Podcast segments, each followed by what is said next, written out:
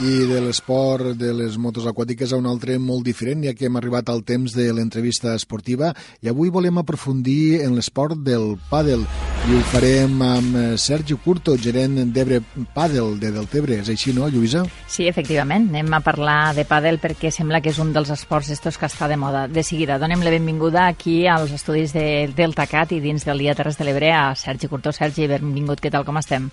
Bon dia, molt bé. Sí? Molt bé, preparat. La que fem quasi sense dinar. Nosaltres estem igual, eh, Sergi? Vull dir, no et preocupes, que estem tots una mica esperant i puguem fer engana. Anem a parlar de, del pàdel. És així, com jo dic, és un esport d'estos que darrerament està de moda? Sí, bueno, de moda, de moda, la moda està començant a, a deixar de ser moda i ser més, més que una moda, ja és una cosa habitual i normal. Jo ja no diria que és una moda. Va ser una moda, però ara s'està implementant molt bé i crec que ja està consolidat. Més que una moda, crec que és un esport bastant consolidat ja. Bueno, clar, és un esport d'estos que va estar de moda però que realment s'ha quedat i ara hi ha molta gent que, que juga a pàdel.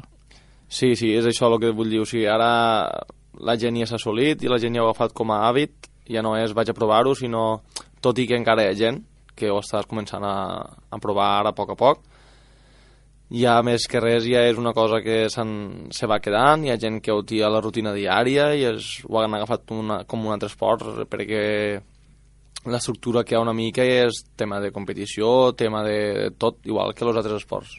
Podríem dir que és un esport que es necessita unes condicions físiques mm, molt, molt, no sé, no sé, no sé si diríem si molt definitives o, o realment pot jugar tothom a pàdel? Doncs, pues, bueno, eh, tot depèn depèn dels, dels nivells. Igual que en tots els esports i en unes categories, doncs en el pàdel no estan fetes les, les categories, però, però sí que tinc gent de tots els tipus, o sigui, gent de diferents edats, gent de, de diferents qualitats físiques, gent de diferent sexe, gent que no... O sigui, pot jugar tothom, a diferent nivell, però pot jugar tothom també hi ha molta gent que, los que o bueno, jo ho dic per mi mateixa, els que no m'ha de pres mai a jugar tenis, mos han passat al pàdel. És, Sí, di això- és diferent, però sembla que... és, és, és diferent en quant a mm, la pista és tancada. Llavors la pilota sempre te torna que en el tennis quan t'ha passat ja no la pots ja al tennis tens una oportunitat com si diríem, al pàdel ne tens dos perquè et pot tornar. Eh, llavors l'espai és més reduït. Si estàs ben posicionat al jugar en parelles normalment se sol jugar en parelles tot i que hi ha pistes individuals al jugar en parelles doncs, cobreixes més la pista, és com si juguessis a tennis dobles, i eh, és això que he dit, que la pilota sempre torna dos vegades i el camp és més petit que en el tennis, eh, la precisió dels cops també sempre va més damunt del jugador, i per això sempre s'arriba a, a moltes més pilotes, o sigui, toques moltes més pilotes que en el tennis, com si diríem així.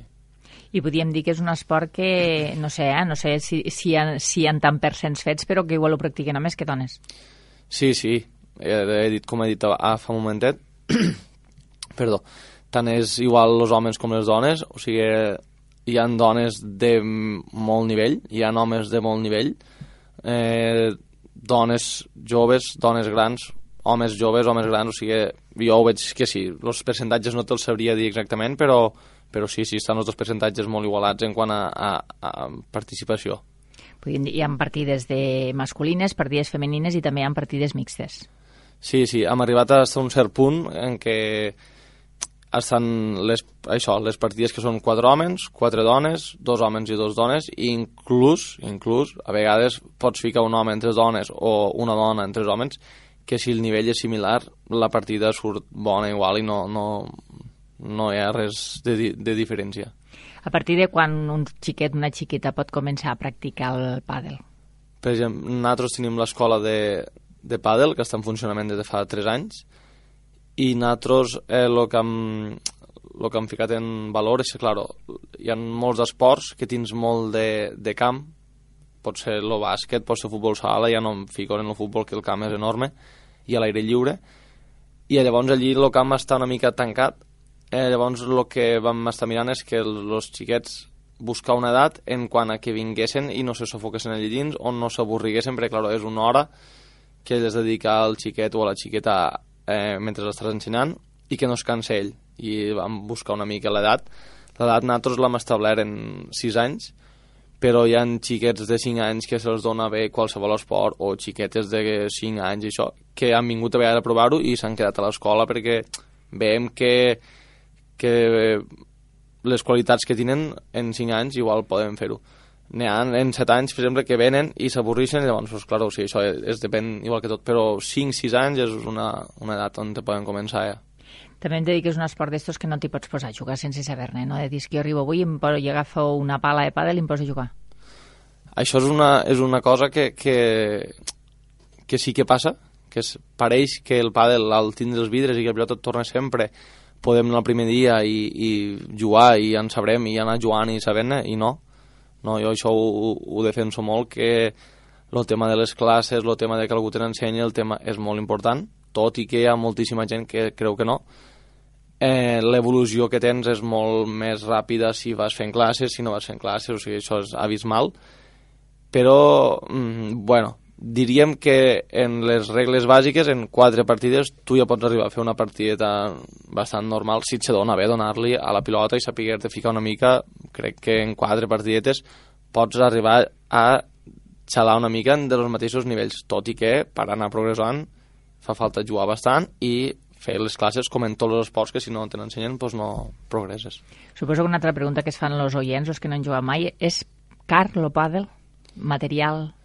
Sí, això també és una cosa que al, al principi, al principi eh, estava, que era bastant car, llavors eh, el pàdel aquí vaig arribar a les Terres de l'Ebre arribat una miqueta més tard, se va començar de Barcelona, va anar baixant, baixant, i allà perquè jo ho sé pels turistes que tenim a l'estiu i ara per Setmana Santa i això que en són molts, quan venen doncs m'agrada parlar amb ells i venen i pares i els preguntes i escolteu i el pàdel allà i quan els vaig a cobrar, per exemple, els dic 24 euros la pista i depèn de l'horari i, i quan me van a, a pagar a vegades m'han donat 24 euros per cada jugador i jo els he dit no, no, com que 24 euros no és que allà a Barcelona, per exemple, una partida val 12-15 euros, que et quedes... Per persona, quatre per persones. Per persona, quatre persones. Claro, jo aquí és 6 euros, una hora i mitja per persona. Per les tardes i en fin de setmana, això, hi ha, hi ha diferents tarifes, però aquesta és la que més normal de quan juga la gent, i llavors, mm, car, bueno, crec a nivell que de material també hi ha molta gamma, no? A nivell de material tens pales des de pales acceptables, nes tins des de 45, 50 euros fins a 500 euros, tins material. Tema de pilotes no és car perquè has de pensar que duren una mica i cada, si cada dia les compra un dels quatre, pues, se toca comprar pilotes cada dos mesos. Les sabates, pues, com tots els esports, jo jugo a futbol i les sabates també, pues, les botes sé el que valen i en el pàdel, pues, similar, els preus. L'únic que passa que si tens bon material, pues, te dura molt més. Això és una cosa que també la defensa una mica, que si et compres bon material fas una inversió inicial, una miqueta que estigui dins de les teves possibilitats, però llavors te durarà moltíssim més que material de 20-30 euros. Car, jo crec que no ho sé. Te pots gastar el que vulguis. Te pots gastar el que vulguis, sí. I a més suposo que, bueno, per la gent no, no cal que el primer dia se compriguen una Correcte, pala perquè, correcte. no, si venen allí, vosaltres sempre els deixeu pales perquè puguem provar-ho. Allí jo tinc tant pales de test com pales... Pales de test són pales per a provar que jo tinc en aquelles mateixes pales en venda, tinc pales de lloguer, pales que jo te les deixo, me les llogues i jo quan s'acaba la partida me les tornes, deixo pilotes, normalment no, no he cobrat mai pilotes, sempre les deixo perquè és una cosa que no crec que és lògica, i llavors eh, és això, jo sempre el que recomano és que primer que proven, perquè no comprar-te una cosa eh, que han acabat en dos dies, la deixaràs allí, no. Primer que proven i que comencen sempre material que estigui raonablement bé i a poc a poc, quan aniran pujant assolint més nivell i assolint-se dins la seva rutina al pàdel i això, doncs, sí, material de més bona qualitat. I aquells que ja estan immersos, que ja juguen habitualment, a part tenen campionats, no? Campionats de diferents tipus, campionats només d'aquí locals, però també campionats a nivell de Terres de l'Ebre. Sí, sí, hi ha, hi ha bastants circuits. Ara mateix aquí les Terres de l'Ebre hi ha dos circuits. A banda, eh, el que fem els clubs individualment, que fem tornejos, fem tornejos mixtes, fem tornejos normals, fem eh, americans, fem nocturns, fem, eh, fem molta veritat, fem molta veritat, que és què la gent realment se fica al nivell i realment veu què és la competició, realment veu una mica tot el que ha, que és lo bonic també, o sigui, una mica quan hi has jugat moltes patxangues, que és el nom que es diu a les partidetes sense sense torneig ni res, quan te fiques a jugar un torneig veus la diferència que hi ha i veus que hi ha molta més motivació, molta més, molta més cosa. Molt bé. Ebre Padel, dos pistes, eh? totalment cobertes i dos pistes diferents, perquè el terra d'una i l'altra varia. No, eh, lo, lo que varia és l'estructura de fora, jo sí, tinc dos, dos pistes, lo del terra és el mateix, és d'última generació, eh, hi ha molta diferència d'altres pistes, i el que varia és l'estructura que la pista que hi ha davant, que està patrocinada pel gabinet administratiu, és eh, panoràmica, i la pista de detrás, que està patrocinada per Ingrid Ribes, que los fico el nom este, eh, no és panoràmica però la herba és la mateixa, la reta és la mateixa, tot és similar, l'únic és lo de detrás, que una és tot vidre i l'altra és vidre en vigues de ferro.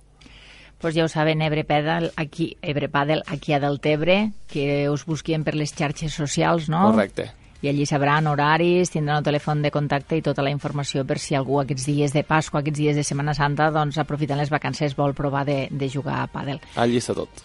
Sergi Curtó, gerent d'Ebre Pàdel, moltíssimes gràcies per haver-nos vingut a parlar d'aquest esport i res, ara ja se'n va perquè em sembla que Sergi t'hi feina. Moltes gràcies a vosaltres per la invitació. Gràcies.